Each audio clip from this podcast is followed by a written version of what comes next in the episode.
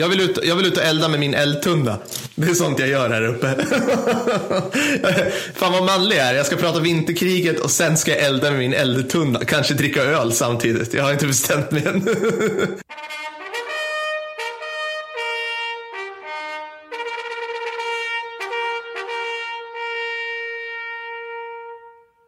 Hej och varmt välkomna till krigshistoriepodden avsnitt 30. 13. Fy satan vad det känns bra. Jag heter Per Wallin. Fredrik Hagelin tittar på mig och ser glad ut. Allt känns bra. Här, eh, Mattis, är du glad? Ja, jag är glad. Jag, ja. jag, jag kommer på sen sist ett sätt hur vi ska göra för att förgöra Sverige när du blir diktator en vacker dag. Berätta. Jo, det är mycket enkelt. Vi ska tvinga alla att göra om teoriprovet för körkort eh, liksom var 15 år. Oh, du är så ond. Du är ja. så jäkla ond. Hur kan man... Alltså vilken...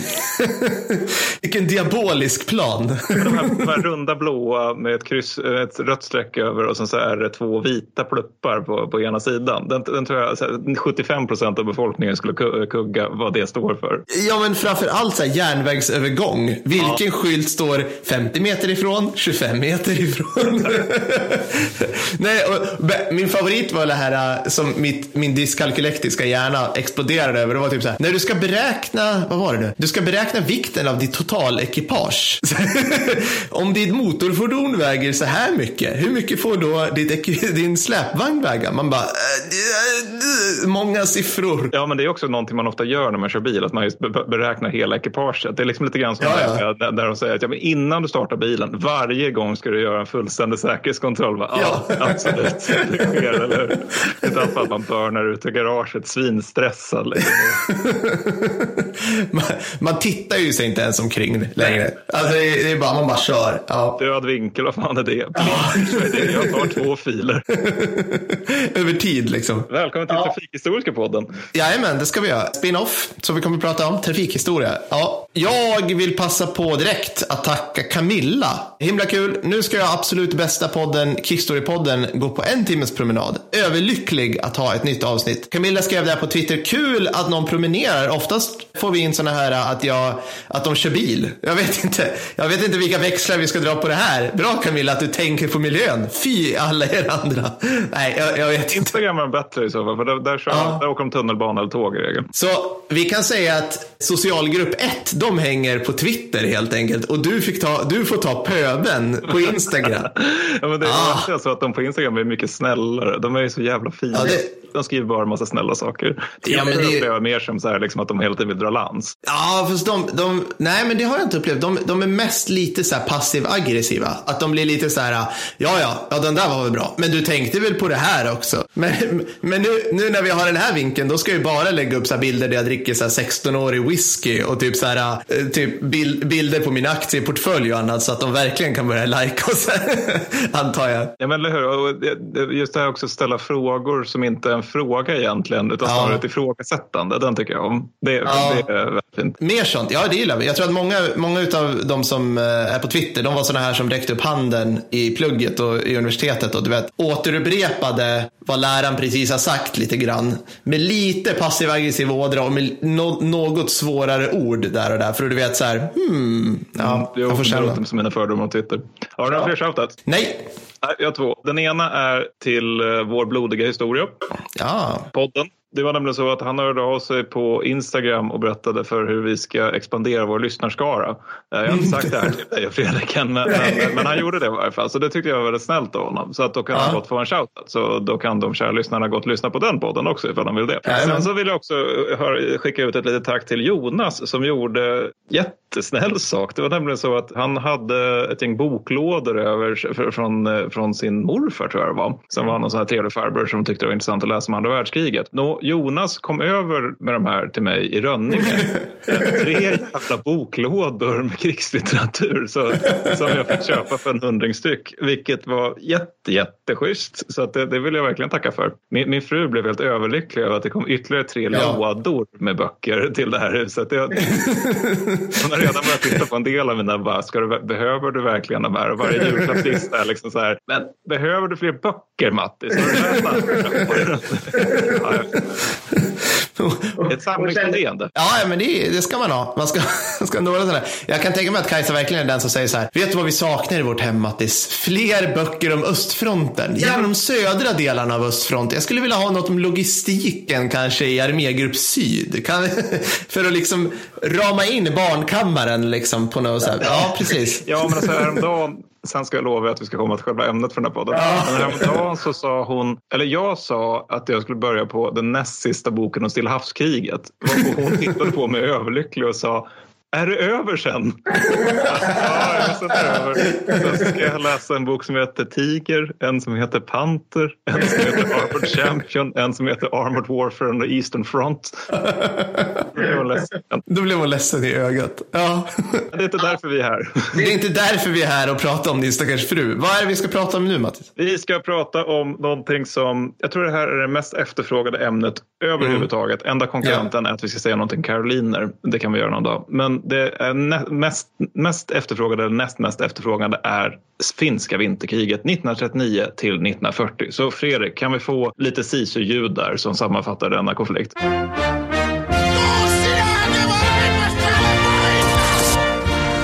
Suomen sotilas vastaa kymmentä ryssää.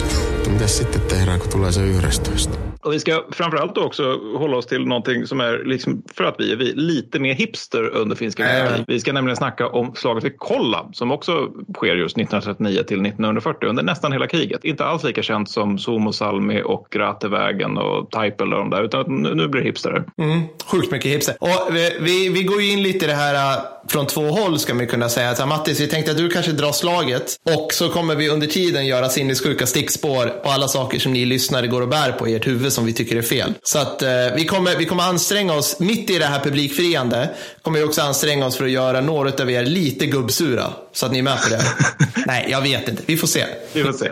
Det, det är väl också liksom lite så att vi um Alltså det här är väl ett av de första programmen där vi uttalar oss positivt om någonting. I regel så brukar vi gnälla på saker, alltså så prata om ja. överskattade grejer eller dåliga grejer. så, men, men, det här är ju någonting som vi, vi ska ändå, jag vet inte, prata positivt om finska armén, del, delvis åtminstone. Ja, jag tror det. Och jag, jag, tycker vi kan, vi kan liksom, om jag får börja på en grej så kan jag bara säga så här att för, för er som sätter in i läget nu så är det här typ den, sämst, den kallaste vintern typ under 1900-talet som det här börjar. Jag, jag, det är så här minus 20 grader i eh, typ oktober eller något sånt där i den stilen. Och Finland har 32 stridsvagnar och 119 flygplan. Fienden har 1500 stridsvagnar och 1000 flygplan. Där, där går startskottet lite grann, kan man säga så? Det kan man säga. Sen kan man också konstatera att fienden, det vill säga Röda armén, de växer ju under hela kriget. Jag hittade mm. en uppgift om att de har 6000 vagnar i mars 1940. Ja. så finnarnas 32, det är väl liksom så åtta vid det här laget. Alltså, ryssarna har tagit förfärliga förluster och de får ja. fler. Ja.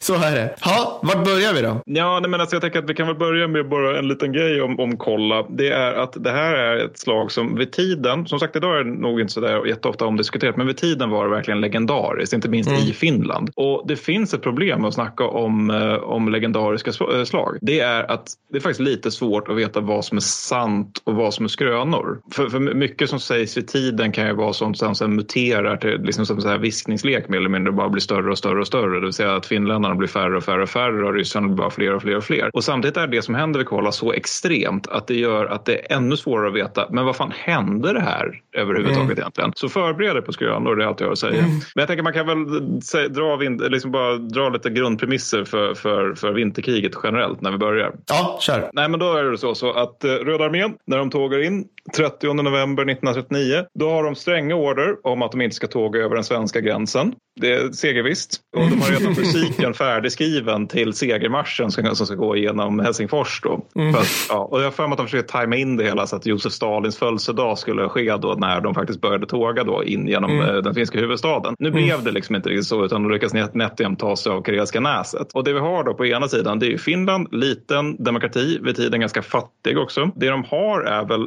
i, i grund och botten alltså att de har en bra armé på soldatnivå. Liksom. Du kommer Ja. prata lite mer om det. Men, men alltså, Ja. det är, om man ska generalisera lite grann så är det liksom att det är hårdhudade soldater som har liksom en stor självsäkerhet. De vet in i benmärgen att de är fucking bättre än allt på än Mm. ryssarna. Men det är också det att det är, det är total materiellbrist. Det är materiellsvält Mm. på alla nivåer. Du nämnde det där med 32 stridsvagnar. Ja, okej. Alltså, det varje finsk infanterist kan räkna med att få vid krigsutbrottet det är ett bälte.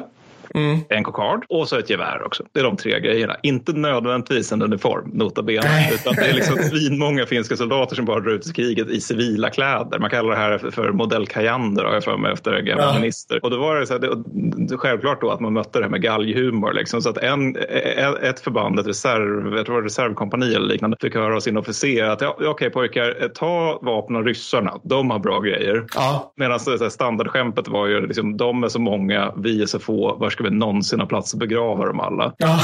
Vilket är ganska kaxigt. Sen, sen har vi då liksom Röda armén då. De är ju liksom framtunga i vapen. Mm. Du nämnde ju det här med siffrorna då. Alltså, totalt lyckas jag hitta uppskattningar på att om man tar alla röda armister som antingen var i Finland eller understödde operationerna i Finland så landar det på omkring en miljon man. Mot Mm. detta så är liksom maxmobilisering för finländarna det är 350 000 man. Då. Och det, det ska också sägas då dock när det gäller Röda armén då, att de är jättemånga och de har som du nämnde jättemycket vapen. Men det här är också Röda armén, när, den är liksom så dålig som den någonsin kommer att bli. Mm. Alltså Röda armén är aldrig sämre under andra världskriget än under finska vinterkriget. Och Nej. dels kan vi förklara det här med utrensningarna då, att Stalin har helt enkelt mördat många av de bättre generalerna. Ja. Men sen har det också det att den har växt och sen så har officersutbildningen inte alls hängt med. Så att man har Nej. liksom jättestora förband och sen så har de officerare som an- antingen har de inga officerare eller också har de officerare som är liksom inte vana vid att leda en, leda en division eller en kår helt enkelt. Så det är egentligen de två förklaringarna och det är också liksom hur viktiga orsaker till att de förlorar så fruktansvärt mycket folk i det här kriget. Ja, och jag kan säga en grej också, just eh, militärtekniska sidan så är det här precis innan T34 egentligen kommer ut på förband. Vilket gör, och den, den om jag inte minns, minner mig, har helt andra typer av terrängframkomlighet. Och det, om man läser minsta rad, minsta stycke om vinterkriget så, så dyker upp och slår den i pannan liksom att väg plus stridsvagn plus nedgrävda pansarvärnspjäser är obra för anfallaren. Alltså så här för att, och de, de här BT26 eller så här T26 och BT20, allt vad de hette, det var, det var ju så här upphottade tidiga 30-talsvagnar med rätt smala band. Inte det man studsar över en myr över lika bra. Det var mycket bättre än vad dels finnarna trodde och dels vad finnarna hade. Jag göra ett stickspår här nu bara för det. Mattis? För nu, nu känner jag att nu jävlar. Okej, de här 32 stridsvagnarna som eh, vi nämnde i början, det var alltså 32 franska stridsvagnar. Vi älskar ju, det, som, det vet ju du kära lyssnare, vi här på Krigs- Krigshistoriepodden älskar ju allt som kommer från, från Frankrike. Just i det här fallet så hade de ett hang-up. För att när finnarna tittade tillbaka, det här på 20-talet någonstans, då, då köpte de ju, de hade precis vunnit sitt inbördeskrig, alltså det vill säga den vita sidan, och eh, tittade var de kunde köpa vapen någonstans. Och det var liksom, då tittade de på segermakten, det vill säga Frankrike, och sa så här, era grejer vill vi ha. Och eh, fick ett gäng eh, Renault-stridsvagnar. Bra på sin tid. Det som de tyvärr också fick med var liksom fransmännens syn på terräng plus stridsvagn. Vilket leder till att någonting händer några år efter vinter, eller något år efter vinterkriget när franska officerare står utanför, står och tittar upp på skogen och säger så här, nej, nej Pierre, tysken kan omöjligtvis anfalla genom Ardennerskogen. Kom, vi går in i vår bunker igen i Maginot-linjen och delar på en flaska Bordeaux. så, att, så att fransmännen var totalt bortkollrade när det gäller vad, vad stridsvagnar faktiskt kan göra. Vilket gjorde ju att då att när, när eh, finnarna tittade på Karelen och man ser liksom myrar och stenrösen och kostigar och tät granskog så var det typ så här, det är lugnt, vi behöver inte ens, vi, nej, vi behövs ingen pansarvärn här. Här kan stridsvagnar omöjligtvis ta sig fram. Eh. så att, Våg efter våg med sovjetiska stridsvagnar senare. Så. Ja, och jag menar om ni någonsin, om ni någonsin tycker att ni är icke uppskattade på jobbet, att någonting ni skriker över i åratal inte blir liksom uppmärksammat fast ni vet att ni har rätt. Då kan ni skicka, skicka en tanke till, till det i början av vinterkriget pyttelilla finska pansarvapnet, alltså de som körde de här 32 stridsvagnarna. För de hade alltså sedan 20-talet skrikit att stridsvagnar klarar sjukt oländig terräng. Och det var väl, ja, det var väl inte, det var rätt klen tröst kan jag tänka mig när sen liksom de här ryska pansarvågorna studsade genom terrängen på, ja, ungefär. Du, du menar att det där var, vad var det jag sa-känslan kanske, liksom att det var, det var man ändå svalde den? Liksom. Ja, exakt. ja, så att eh, där, där är så att säga den finska synen på pansar. Men var, var det inte så att man insåg det här typ oktober 39, liksom så här månaden innan krigsutbrottet? Ja, alltså, alltså, det- på i varje fall. Ja, alltså det är ännu värre. Alltså det, det liksom, förståelsen för, för pansarvapnet var så lågt att det flest, alltså om man säger så här, jag kommer inte ihåg vad ni hade när ni gjorde värnplikten, men vi hade ändå någon form av så här, okej, det här är en bild på en stridsvagn, den är farlig. Du vet, så här, titta på en stridsvagn här liksom. Vi hade inga pansar, vi hade inga hjulgående fordon på amfett precis, men, eller vad säger jag, bandgående fordon. Men eh, sen när jag jobbade i försvaret så har det också varit så här, då har man upptäckt att, och framförallt nu tror jag man gör det, oavsett befattning, att man, man kör fram en stridsfordon 90 och så får, får liksom beväringen komma och klämma och känna på den och typ tänka så här, farlig, mm, det här ska man akta sig för. I Finland på den tiden, då var det typ så här, okej, här, vi har, vi har ett stridsfor, vi har, eller vad säger jag, vi har ett stridsvagn som vi har byggt i liksom papp som vi skjutsar runt. Men vi har väldigt få av den också. Alltså, vi har byggt tre, fyra stycken. Så ni får inte röra på den. Och vi tar ut den så här, typ, motsvarande i en glasmonter och håller den lite grann. Så, ja, nu får ni beväringar titta här tills min klocka piper. Och sen går vi iväg med den här igen. Så att det fanns liksom väldigt lite uppfattning om vad eh, eh, typ en stridsvagn en, ens var. Liksom. Just det, just det. Men, men det där tror jag, det är dock inte bara Finland. Jag minns att jag har läst en amerikansk redogörelse där, för, jag tror det är från, eh, om det är tidigt 40-tal till och med, där, det är liksom att de, ja, men det är nog det, för att de har just kommit med i kriget. Och då är det liksom så här, men okej, vad är en stridsvagn för någonting? Ja, det är en stor grej med en stor pang. Okej, har vi något sånt så vi kan visa soldatesken? Nej, men om vi kör fram en kärra och sen lägger vi liksom lite stockar på den och så får de kasta, jag för mig att de kastade stenar eller potatis eller någonting på den. Pansarvärnsgranater eller liknande, liksom saker de inte har. Så jag, jag tänker att det var nog ganska vanligt det där, alltså för, för länder som inte hade kommit in i kriget ordentligt än. Liksom, eller kanske inte var förberedda på det på samma sätt som säg, tyskarna var eller fransmännen var. Nej, nej, det kan säkert stämpa. Ja, herregud. Vi har ju en grej också just där att finnarna, det här med PV-förmåga. Eftersom de inte hade stridsvagnar och tyckte stridsvagnar var skit så kom de ju på, ja men som du sa, två minuter i tolv. Alltså så här en kvart innan ryssen skulle massanfalla över gränsen. Att så här, det, här, det här med pan, eh, pansarvärn då. Ska vi ha något sånt? Va, vad, är det, vad är det tyngsta pansarvärnet vi har? Ja, Pekka där borta, han har en kofot. Eh, Lauri, han har starka nävar.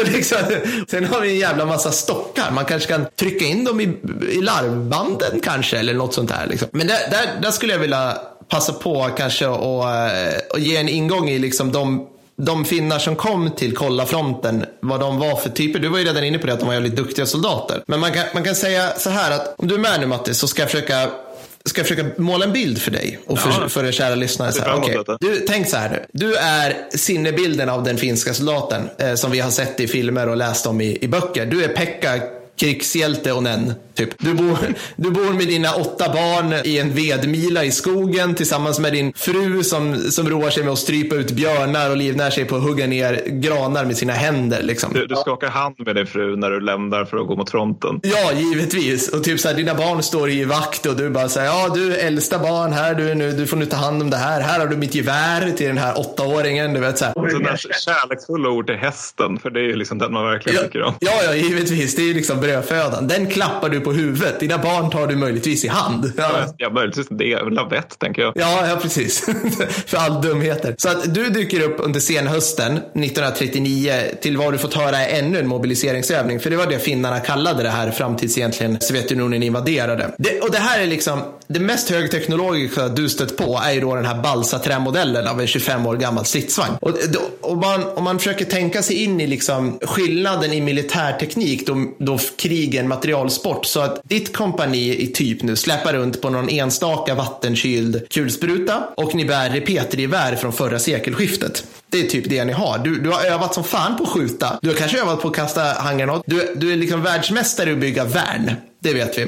Jag har skogsvana också i många fall. Ja, du har, du har sjuk skogsvana. Men nu dyker någon, så här, någon reservlöjtnant upp och samlar så här. "Ja, Okej, det är allvar den här gången pojkar. Vi har precis fått in den här skapelsen från Sverige. Det här kallas för en Bofors 37 mm pansarvärnskanon. och ni har en kvart på er att bli mästare på den och sen en kvart till att släpa den tre kilometer genom ödemarken bort till era stridsställningar innan kommunisterna kommer sättandes med fler stridsvagnar än vad ni trodde fanns i den här världen. Och det, och det är inget skämt, det var liksom Liksom de här tidsförhållandena. Så det var så här, ja, no, så här, någon skog, så här, gäng skogsfinnar kommer, på en vecka så är de pansarvärnsmän. Då har de fått den utbildningen. Och, man, och det, här, det här tycker jag var lite av en, en så att säga, mytkrossare när jag läste det. För att man tror ju verkligen att det är lite grann som rymdimperiet mot rebellerna. Alltså att finnarna har väldigt få saker, men det de har, det är de jävligt duktiga på. Och de är liksom, de, det är sjukt bra saker. Så var det inte kan jag säga. Alltså de hade precis fått stor del av sitt material från Sverige, nota bene leende. Mm.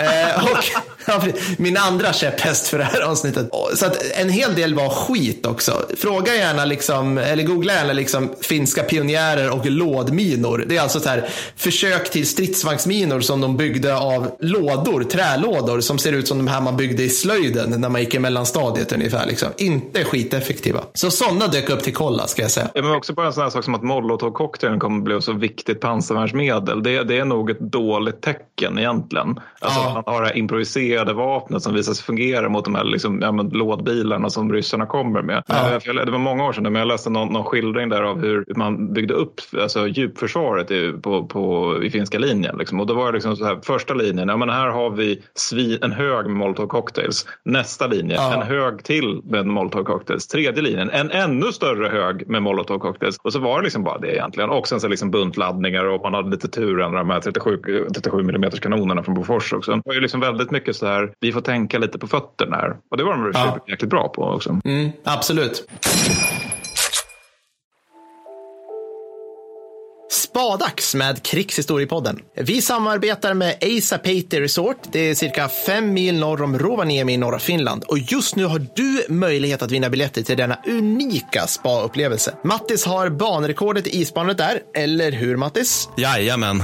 Dagarna där kommer bland annat bestå av kurserna knivhantering för svenskar och värnbyggande i snö. Men missa för guds skull inte spabehandlingen Jussi. Den består av, ja, just Jussi som får upp bastun till en 150 grader, petar löpande i Rappinkulta hinkvis samt piskar er rikligt. Allt tillsammans med underbara anekdoter från hans fyra år långa värnplikt. Hur lägger man då rabarber på dessa härliga biljetter? Jo, enkelt. Filma när du bastar tills du svimmar, därefter gör 500 armhävningar. Jussi och staben på Eisapate kommer kora vinnarna. Lycka till så syns vi i norra Finland.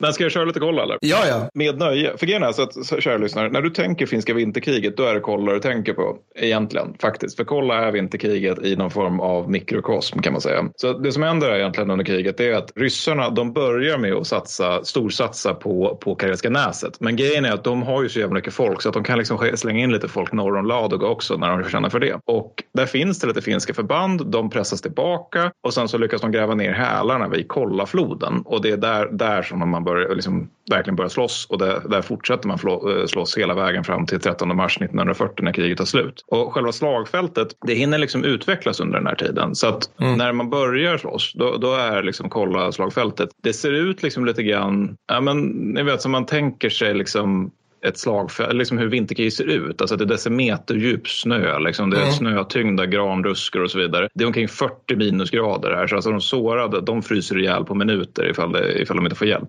Ryssarna då, de, är, de, har den här oturen att de är tvungna att ta, ta, sig fram med sitt pansar längs alltså några små kostigar mer eller mindre för att det här är ju oländig terräng som fan. Mm. Alltså, ute i skogarna kan de inte vara om de inte har skidor utan det är väl liksom vägarna de får vara på. Det är en jäkla tur för finnarna för det, det innebär att ryssarna blir förutsägbara. Mm. De i sin tur, de ligger liksom lite o, eh, utspridda värn och korsur lite här och var. Och sen har de också mycket så här att det finns småbyar och ödegårdar så då använder de potatiskällare och liknande som skyddsrum då för att det kommer väldigt, väldigt mycket artilleri och eh, väldigt mycket eh, flygstridskrafter över det här slagfältet. Mm. Jag kommer ju att tjafsa om det här med liksom de tre stora offensiverna vi kollar, men, men utöver det så ska man hela tiden tänka sig liksom små strider och patrulleringar och liksom den här typen av jäkligt nasty krig som försiggår mm. när det liksom inte är storstrid. Så. Men det här med liksom det här fridfulla fina vinterlandskapet, det är liksom i början av slaget. Mm. Sen när man kommer fram till januari, då börjar det snarare se ut som Ja, men du vet Per, Du gillar ju mm. Sagan. Jajamensan. Säg han nu för lyssnarna, det gör jag inte, kära lyssnare. Nej, jag skojar.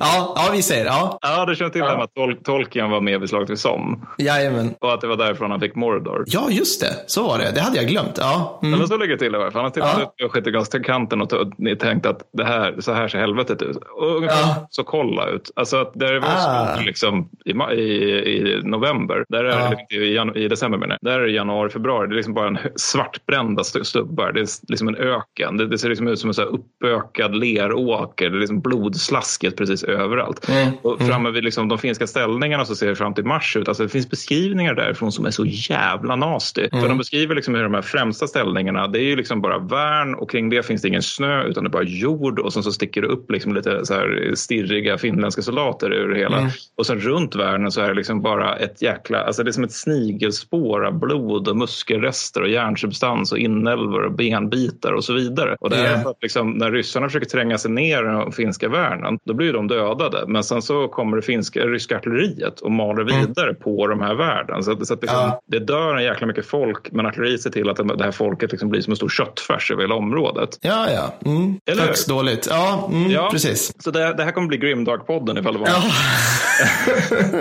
men Mattis, jag har ju alltid lärt mig att vinterkriget är heroiskt, underbart, vackert. Det är bara, inga, finländarna var aldrig rädda. Nej. Ryssarna förlorade jämt vartenda slag. Ja, var det inte så? Ja, vi kommer återkomma till det. Men alltså, ja. det är klart, det är heroiskt i så mått att det är liksom få som står mot många. Men det är också jävligt jobbigt att vara de här få. Och när vi pratar om att de var få, då ska vi alltså ta, ta gå igenom här styrkeförhållandena vi kollar. Mm. För att, alltså, det är två regementen ursprungligen som är vi kollar från Finland. Och de, de får lite förstärkningar och sen så får de liksom kallas för den finska tolfte divisionen, vilket blir så ad hoc, ad hoc division mm. eller mindre. Mm. Sen ryssarna då, de börjar med, jag tror är en eller två divisioner, men de växer liksom under hela slaget. Mm. Så när de kommer i slutet av kriget i mars, då kommer de med totalt fyra stycken divisioner plus en pansarbrigad yeah. och omfattande flyg och artilleriresurser. Det här är alltså mm. eventuellt så mycket som 60 000 man som kastas över kolla. Ja.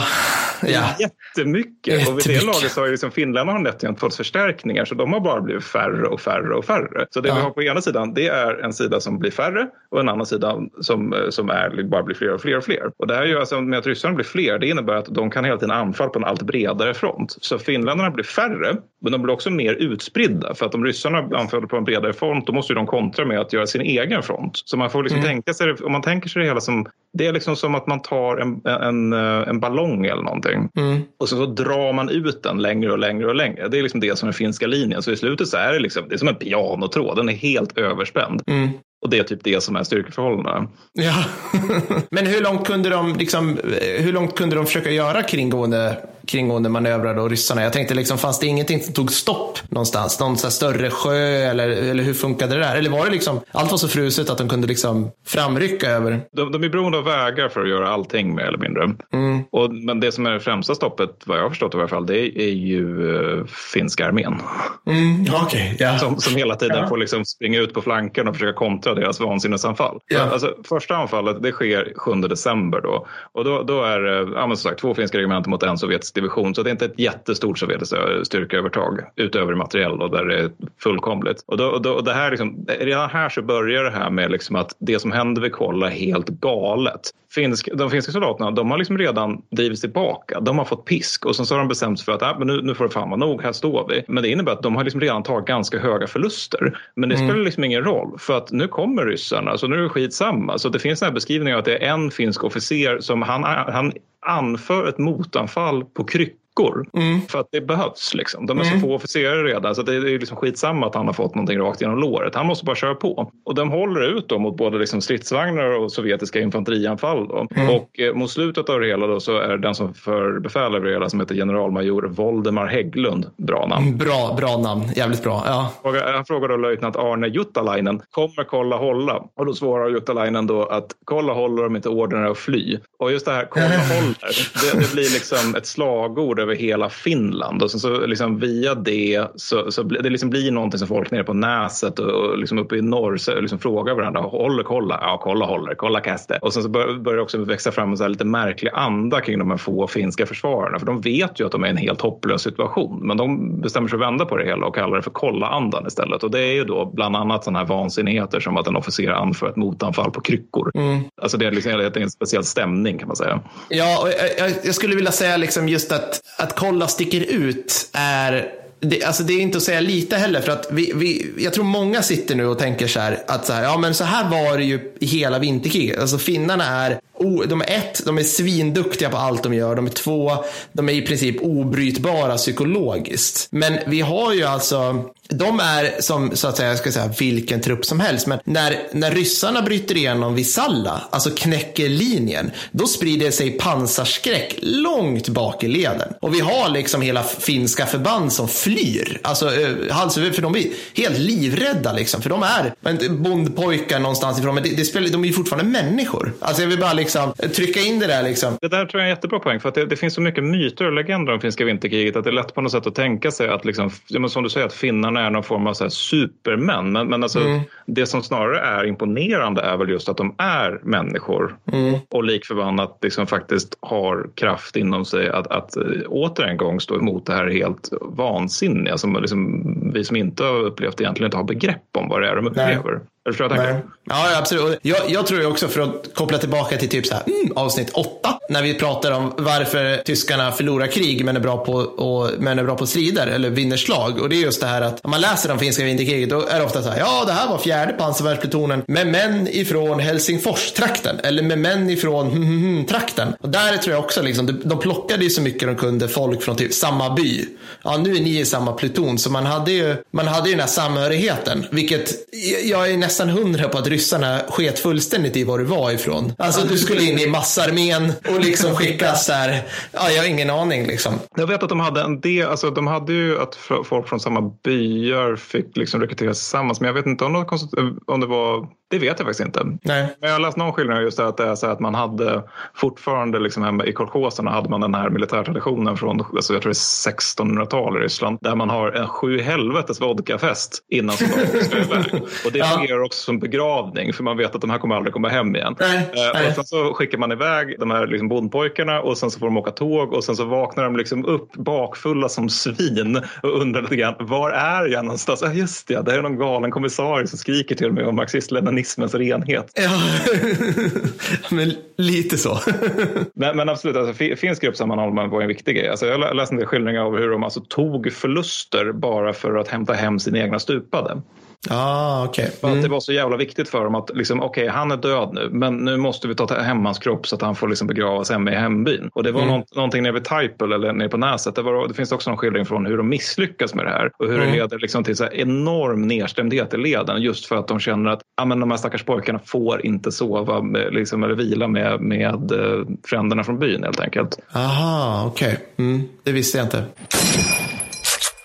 Jag måste dra, men alltså en, en, grej som, som nu, jag kan inte hålla mig längre Mattis. Jag kan inte hålla mig. Jag vill bara säga så här, vi, äh, återigen tillbaka till den här PV-grejen. Alltså, så, så vad använder man vid kollar? Jo, man använder svenska jävla vapen. Okej? Okay? nu, nu slår vi fast det här, för en gångs skull. Man använder svenska vapen. Och vilka vapen använder man? Jo, man, använder, man, har, precis, man får in flång nya, bland annat då på Fors pansarvärnskanoner. Jag har, jag har spelat in ett helt poddavsnitt om hur vi typ i princip ger en fjärdedel av vårt, så här, all vår ammunition och liksom hur mycket vapen som helst till finska armén. Eller hur Mattis? Eller hur? Ja, Säg att jag har rätt. Ja. ja ett, jag har ett exempel på det här. som är jävligt, ja, det är alltså en skeppsredare och jägaröverstelöjtnant Nordström. Har ni någonsin hört något så finskt så säg. Han tar, alltså det här är typ några veckor innan krigsutbrottet, så tar han saken i egna händer när han får höra hur dåligt PV-läget är i finska armén. Han drar till till Sverige. Han stegar in på arméstaben i Stockholm och han kräver att de ska sälja 2000 gevär, 100 lätta kulsprutor och framförallt 8 pansarvärnskanoner till Finland. Han är beredd på att betala ur egen ficka. Det här är jävligt fint. Det här är lite grann som att, ja men, ja, vad ska vi ta? Daniel Ek på Spotify skulle liksom bara, nej men det är krigshot. Vi måste förstärka Gotland. Och så, så här, flyger han ner till Berlin, stegar in där. Ni måste sälja oss 100 leopardstridsvagnar nu. Jag pröjsar. Ja, jag pröjsar. Liksom. ja, alltså, och, ja. det, det, det, någonting som folk ofta får om bakfoten när det gäller vinterkriget är att Sverige var, förklarade sig aldrig neutralt under vinterkriget. Vi förklarade oss icke krigförande. Ja. Stor skillnad. Ja, ja det är fan det. För det innebär att jo, jo, vi kommer att ta ställning. Varsågod, här är några tusen frivilliga. Ja, hur mycket som helst. Och då, kan ni, då sitter ju ni, och jag vet ju ni på Twitter också vad ni anser om vår sittande regering. Men då, då, då alltså, mö, så här, mötet avslutades på morgonen klockan 11. Klockan 14, då hade regeringen sammanträtt och beviljat vapnen till Nordström. Tre timmar! Tre timmar Ingenting någonsin, aldrig någonsin har Sveriges regering agerat så snabbt på något. Ever. Alltså tre timmar. De, de kan inte ens äta lunch på tre timmar idag. Alltså det är, det är liksom, det är, så vi tar igen liksom. Sverige vände inte Finland ryggen. Vi liksom på en handvändning. Nordström han knappt eh, smutta på kaffet i lobbyn innan folk bara, ta vapnen, här, du får dem, inga problem, kör. Ja, för det där mötet, det låter ju som att det framförallt var liksom formaliteterna som drog ut på tiden. Liksom, ja, men ja. Alla här är alla här, ja, men vem, vem är sekreterare idag? För den här kamratföreningen. Ja, ja men Per Albin bara high five Finland, smack, här tar allt vårt skit. Jaha, ni behöver flygplan också. Ja, men alla era flygplan som ni köper från typ, så här, vad var det, Italien och så här. De kan mellanlanda i Sverige. De kan pilot, finska piloter kan utbildas här. Vi kan bestycka dem på vägen till Finland. Så det, det var liksom, det var inga problem liksom. Och samtidigt alla svensk frivilliga. Jaha, behöver ni massa utbildningslokaler och regementen på att utbilda de här tusentals Finlandsfrivilliga? Varsågod, kör. Liksom. Också en sån liten detalj bara, men som också är specifikt för kolla. Det, är, det uttalas inte så här, så det här blir SM med uttala finska fel. Mm. Men Sima Heje, eller Heche tror jag man uttalar det, men jag vet inte. Sima Heje stavas det i alla fall. Han stred ju där. Alltså ah. världshistoriens dödligaste prickskytt. Mm. Mm. Någonstans mellan 350 och 500 confirmed kills har jag för mig. Men man ska alltid vara försiktig med sånt där. Så säg att det är 350. Det är i alla fall jättemånga oavsett vilken siffra som stämmer eller inte stämmer. Ah. Han blev ganska uppmärksam över tiden och han fick någon gång i, kring årsskiftet där så fick han ett lyxgevär av en svensk beundrare.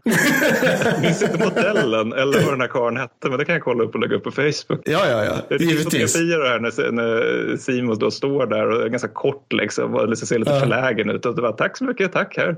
Får jag någonting mer kan jaga ryssar med. Men inget kikarsikte heller den här gången? Nej, eller? Ja, det nej, nej. Han körde järnsikten. Alltså så jävla bra. På typ så här, men det kan jag tänka mig också att jag tror inte det är en annan grej som är, som, som generellt med vinterkriget. Du sa det här Mattis med att tidiga, under tidiga delen av slaget vid Kolla så var det liksom den här täta skogen. Och det, där är alltså det är så, det är så, det är så korta avstånd. Speciellt när man slåss mot pansar. Under, alltså alla kommer otroligt nära. Inte för att finnarna ville det. För att de är sina jävla övermänniskor liksom. Utan för att de var tvungna. Ja, Men man hade gärna liksom, ja precis. PV-resurser är också kortdistansformat. Det vill säga, ja. det var någon som beskrev hela deras PV-vapen som att det var handgemäng. Ja, typ så. De, de så tillverkade buntladdningar av molotov cocktails. Sen finns det en annan grej och det är, som ingen tänker på heller. Det är att finska arméledningen av någon anledning hemlighöll stora delar av sin taktiska PV-manual av oklar anledning i decennier. Vad bra. Alltså, men det är efter krigsutbrottet så blir den offentlig? Ja, typ. typ. Ja. Alltså, de, de, de var så här, här okej, okay, vi har tagit fram hur vi ska slåss mot stridsvagnar. Alltså all vår PV-förmåga. Vi, vi släpper inte ut det här, alltså vi låter inte våra officerare ta del av det här. Vi låter absolut inte vårt manskap ta del av det här. Vi har ingenting som liknar liksom markstridsskolan i Sverige idag, i, i våra dagar som liksom utbildar på det här. Nej, nej, nej, nej. Det här ska vi hålla hemligt. Det är ungefär som att man hållit stora delar av Soldef hemligt under vår soldatutbildning. Liksom så här. Alltså, så här. Nej, ingenting om hur du gräver värn, hur du maskerar eller, eller sjukvård. Inget sånt där. Nej, nej, vi håller allt sånt hemligt. Alltså det är helt jävla... men, var, ja, det, men varför gjorde de så? Alltså vadå, var de rädda? Jag, vi vet inte. Okej, okay, ja. Nej. Ja, ska jag köra nästa stora anfall? Kör! Ja, kör nästa stora anfall. Ja, nej, men alltså, för det här blir bara värre och värre. Liksom. För att, mm. okay, första anfallet, ryssarna är inte så många fler. Nästa, då tycker ryssarna att nu tar vi lite grann här. Så nytt storanfall, 21 januari 1940. Då, för att göra en liten jämförelse här, så har alltså finländarna har 20 artilleripjäser totalt, vi kollar. Ryssarna kommer med 200. Och det är en sak då hur många eldrör man har då. Att ryssarna mm. alltså har tio gånger så många jävla eldrör. Men sen är det där också att antal granater är också en aspekt av det hela. Just det, ja. Finska artilleri artilleriet var dock, det var dock en sak som faktiskt var riktigt bra. För de hade, liksom, de hade ju zonat in en bra bit av Finland väldigt ordentligt. Så där, att de kunde liksom kalla in mm. artilleri ner på mer eller mindre metern. Men det är fortfarande så att de måste ställa jättemycket granater. De kan vi kolla avfyra kanske tusen per dag. Det finns uppskattningar mm. om att de sovjetiska kollegorna kunde upp, avfyra upp till 40 000 granater per dag. Det är mycket ja, fler. Det är mycket fler. Kvantitet är också en kvalitet, som Stalin sa. Ja, ja mm. precis. Och det kommer han nu uppvisa här under andra offensiven vi, vi kollar. För att som sagt, alltså, återigen, finländarna får inte jättemycket förstärkningar vi kollar. Så i januari Nej. så är det liksom redan vissa bataljoner som är nere på så här 200-300 man. Och, och, det är liksom inte så bra. Mm. Och samtidigt så är liksom ryssarna så pass många att det finns uppskattningar om att det, alltså, de förlorar tusen man om dagen är dödade och sårade och de fortsätter ändå mm. framåt. Alltså det är bokstavligt talat på den här nivån att de mm. springer mm. över sina egna stupade i vissa fall. Så försöker de liksom hela tiden ja. liksom kringränna de finska ställningarna för de vill ju inte heller dö. Liksom. Och det leder till att ibland faller en finsk ställning och då måste ju den tas tillbaka. Ja. Så det innebär att finländarna utkämpar försvars och anfallstid samtidigt. Ah, hela tiden ah, ah. Så det är liksom som ett dragspel. Mm. Så det är liksom inte ens alltid så att de har försvarens fördel. Det vill säga att man, alltså man tror ju ofta det att försvaren alltid liksom har det enklare. Så. Men inte i det här fallet utan de måste väldigt ofta ut, ut, utkämpa anfallstid också. Sen är mm. de också över det här laget så pass utspridda på grund av det här beskrev tidigare att de hela tiden dras ut. Att vid det här laget ser de inte varandras stödjepunkter utan det ligger liksom så här, men säg att det ligger en pluton i någon form av korso eller någonting i på ett ställe. Ja. Så har de ingen jävla aning om vart kollegorna till höger är någonstans. Eller de vet för att de hör liksom ljudet av kulspruteeld och granatdetonationer och sådär. Men de kan absolut inte se dem. Så att de är liksom nästan isolerade från varandra. Ah, mm. I sig måste det vara en så jävla obehaglig upplevelse. Alltså när Typiskt att... obra liksom. Mm. Ja men också liksom just det här rent psykologiska. Alltså, är den här plutonen de enda finländarna som finns kvar nu? Är det bara vi som mm. står där fortfarande? Eller, ja, ja okej men nu hörde jag just det. Det lät som att ett kompani sovjetiska soldater just gick åt där borta. Då, ja men vi är inte ensamma var praktiskt. Mm. Mm.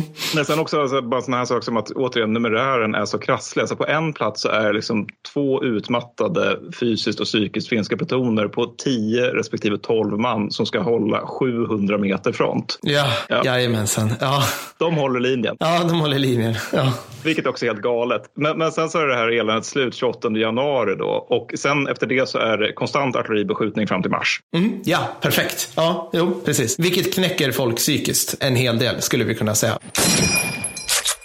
När vinterkriget tog slut, Mattis, vad, upp, alltså, vad sa du för någonting? 13 mars. 13 mars. Vad, hur mycket fick liksom finländarna sätta, liksom släppa släppa? Alltså hur, hur, mycket fick man liksom ta, hur mycket, hur mycket mark gick det åt i Kolla då, om vi säger så här, från gränsen till Kolla? Har du någon uppfattning om det? Just det har jag ingen aning, men de fick ju släppa en bra bit av Karelska näset. Det är bland annat därför som de, eh, de känner att de eh, vill vara med i eller ha ett fortsättningskrig sen. Alltså att eh, ja, just det. Mm. förlora en bra bit av Karelska näset. Jag tror också en förlorar bit av Ladoga Karelen och det borde väl innefatta Kolla. Ah, den, lyssnar på mm. detta om jag har fel i så fall. Men det gör ju också att de upplever det som att de har liksom mellan, det som de kallar mellanfreden, alltså förlorat en, eh, alltså det som de ser som sin buffert mot Sovjetunionen, det vill säga det lätt försvarade Karelska näset. Ja å andra sidan så är orsaken till liksom att ryssarna kommer, det är ju just att de uppfattar Karelska näset som ett hot mot Leningrad. Mm. Så att, ja, det, det, de borde komma överens de där två. Finnarna har rätt, ryssarna har fel. Det är, det är krigsstorypoddens ståndpunkt i det här fallet. Om ni undrade våran på ett 75 år gammalt krig. alltså finnarna var ju ändå de som hade det först. Det måste ju ändå betyda ja. någonting i de här sammanhangen. Ja, och jag tycker det, det är helt sjukt när man tittar. Liksom. Alltså det, det är inte Karelska näset och de här delarna. Ja, okej, ju längre norrut det kommer så är det ju relativt eh, glesbefolkat. Eller ja, det är glesbefolkat, punkt. Jag försöker inte liksom dra men, men det är ju fan inte så glesbefolkat nere på Karelska näset. Alltså det är hyfsat tätt mellan byar och sådana här saker, även under den här tiden. Ja, det, för det är ju liksom, det var många som blev fördrivna. Okej, okay, sista anfallet då. Sista striden vi kollar, det är 2 mars då, 1940, så är det dags igen. Nu tycker eh, lag Sovjet att nu får det fan vara nog. Vi har hållit på med halvmesyrer tidigare. Så nu kommer de med eh, upp till 60 000 man. Mm. Det är jättemånga. De har 80 artilleribatterier. Det är alltså 320 till 380 pjäser. Alltså i januari hade ah, okay. 20 mm. stycken pjäser totalt. Och förmodligen har de blivit färre. Det är, alltså, du, det är så här, riks, rikspjäsen liksom, på kolla-avsnittet. En. ingen som sover heller. Så, så att liksom, det är liksom så att Nettium kan hantera de här pjäserna vid det här laget. Och du frågar om det här med, med, med, liksom det här med om de försöker flankera. Så, och ja, jo, i det här fallet så är det en sovjetisk division som försöker flankera. Det är mm. jättemycket mm. folk som bara gör en kringgående rörelse. så, och vid det här laget mm. har ju finnarna brist på precis allt. Och nu menar menar jag allt som är alltså från mat och granater till soldater. Det, det är, liksom, Mm. om vi, de, det är bland annat en regementsreserv här som jag hittade som jag tyckte var väldigt intressant. Om du tänker ett regemente Per, Ja, mm. vad tycker du att en regementsreserv bestå, bör bestå av? Liksom om du tänker storleken på det förbandet. Jag tänker mig eller åtminstone en bataljon, så kanske typ tusen man eller något sånt där som man, som man har. Ja. Är liksom man har tusen Något man sånt. man kan plugga in i linjen ifall det ser lite kritiskt Mm. ut. De har nio man. Fräscha ut vid nio man. Det är... Nio man. Sen går det en halvtimme efter att man har liksom hittat en punkt i fronten där okej, sätt in reserven, här måste vi hålla. Och då är det liksom två pers kvar av den reserven. Så så kan det uh, och, det här, och nu är läget helt desperat naturligtvis för ryssarna Ja. är så jävla många och finnarna är så jävla få. Så nu är det liksom att man tar, ja men du är kock, du är stabskrivare, bra, ni är fan skyttesoldater nu. Så Ja. skrämmer man ut dem i främsta linjen. Liksom. För nu är det bara allt ska in, allt, allt. Och men man börjar liksom nu på övre nivå fundera på att okej, men nu kommer de med så jäkla mycket, pojkarna är jättetrötta. Vi kanske borde börja överväga tanken att ändå lämna Kollafloden som vi har slagits om sen, sen ja, två månader, eller mer, vad fan säger jag, sen i, sen i december förra året. Mm. Vi kanske borde liksom bara göra ett taktiskt återtåg, kanske lite reträtt. Varpå man överväger det, tittar på möjligheterna och kommer fram till att nej, för då skulle skyttet dö av utmattning. Det, det är alltså Ja. är vid det här laget. Och ryssar Ja. är också en faktor. Ja. Och när man ska, nu är vi inne på det här med vad som är skrönor och inte. Men alltså, man ska just beskriva hur desperat den här situationen är så är det att när det här stora anfallet kommer det bryter ju liksom igenom längs halva linjen. Det är så här skitmånga ställen där ryssarna bara trycker sig in överallt. Men, men på något sätt lyckas de ändå stabilisera fronten. Men då krävs det liksom sådana här insatser som att det är liksom ett förstärkt kompani ryssar som liksom bara smetar rakt igenom fronten. Och så, så dyker det upp fem, sex killar då som råkar ha, tillhöra lag Finland och får utgöra så här kamp, kampgrupp, eller kampgrupp Nennonen eller någonting. Eh, Så här k-pistar, här molotov cocktails, ni där angrip och utplånar det där kompaniet och, och lyckas naturligtvis. Ja, ja, såklart. Ja, Mm. självklart. Det är en annan grej där det är liksom en eldledare som har fått granatsplitter i ögat då. Men han tycker att jag har liksom fått ett öga kvar så jag fortsätter med mina uppgifter. Och så till Ja. slut då så får han gå för egen maskin till förbandsplatsen då när han har blivit övertalad av att Nej, men du håller ju på att blöda ihjäl här. Det här går ju inte. Mm. Men vid det här laget är de så slutkörda att de alltså somnar i sina värn. Alltså jag hittade någon, något exempel där det är en kille som ligger och bara öser bly mot ryssarna med, med sin kulspruta. Och så ligger hans eh, stridsparskamrat bredvid och sover medan det bara liksom faller ner Mm. glöd patroner i ansiktet på honom. Sen då under slaget så har man varit kört fram och tillbaka som något man kallar för dödshöjden. Och det är ett väldigt, Mm. väldigt passande namn Mm. för att det är jävla massa folk som dör där nämligen. Och vid det här laget så bestämmer sig ryssarna för att nu vill vi ha dödshöjden. Vi skiter i vad, vad finnarna kallar det för någonting. Så då är det ett dussin stridsvagnar tillsammans med alltså, ordentligt artilleriunderstöd och ett helt jävla regemente sovjetiska soldater som stormar upp för kullen. Mot dem står en finsk pluton. Mm. Ja, of course. Mm. 400 sovjetiska soldater dödas, fyra finska överlever. Ja, Ja. så liksom, det här är så det ser ut i mars. Och vid det här laget så börjar makten ta ut sin rätt kan man kanske ana. Liksom. Mm. Så rys- ryssarna gör faktiskt riktiga, alltså de gör en ganska stor inbrytning i fronten. Den knäcks inte men de liksom lyckas få en inbuktning i den. Mm. Och vissa värn de måste ta, finnarna ta tillbaka med knivar då. För Mm. att de har ju inte så mycket annat. Och andra Nej. lyckas de inte ta tillbaka. Och det ser man liksom eh, på övre nivåer som att det här är lite av ett problem. För att tidigare har vi alltid lyckats ta tillbaka saker och ting. Men sen 12 mars, oj, det kommer förstärkningar. Det var helt oväntat. Nu kan vi börja planera motanfall. Mm. Sen är det kriget över 13 mars då. Mm. Och när allting är sagt och gjort då så har Flin, alltså man vet inte riktigt. Men, men finländarna förmodligen förlorat kanske 1500 man och ryssarna har förlorat minst 8000 man på de här Mm. tre förfärliga jävla offensiverna vi kollar. Mm. Så det är Ja. slaget vi kollar. Det är slaget att kolla. Ond bråd död och mer ond bråd död. Skulle man kunna säga så? Och pam, Och pannben. Skulle du säga det? Ja. Eller bara säga jävla envishet. Jag fattar Ja. inte hur de gjorde det här. Alltså jag förstår verkligen inte det. Nej, det, är, det, är så, det är helt sjukt. Jag, jag tycker det är kul. kul. Alltså en intressant grej, det är som vi har härjat så mycket om hur usla ryssarna är på att slåss. Jag menar, kombinerar man det med hur bra vi anser att finnarna är på att slåss så, så tror man ju nästan att vissa av de här skrönorna kan vara sanna. För att om man läser liksom, om man tittar till exempel på hur många av de här ryska stridsvagnsbesättningarna beter sig i strid så finns det ju sådana här saker typ som att, ja men det, det var någon beskrivning jag läste, jag tror vi var i Suomussalmi, så var det en, en typ reservsergeant, alla är för övrigt reserv någonting i Finland. Det är Det är jävligt- jävligt roligt. Ja, precis. Vilket betyder att de har varit civila fram tills två minuter innan, antar jag ungefär. Och han, han i princip, han ska slå ut en stridsvagn med någon bundladdning, så kryper närmare, ligger två meter ifrån, kastar, missar missar, så han blir skadad. Hans stridsparskamrat blir helt så här desperat. Bara, den här stridsvagnen kommer typ köra över oss. Så han tar fram sin pistol, skjuter mot den här stridsvagnen. Stridsvagnen retirerar. och så här händer det jämt. För att, men det här, är, det här är det som är grejen som vi, som vi vet om ryska pansarstyrkor alltså under hela kriget. De blir typ aldrig bättre. Ingen radio mellan stridsvagnarna. De får liksom väldigt så här, korta orders och det blir liksom, de agerar alltså, spattigt är väl ett sätt som man skulle kunna säga det. Liksom. Det, det, alltså det, är ofta, det händer många gånger som de liksom retirerar av oklar anledning när de har lokal övermakt. Så att, eh, ja.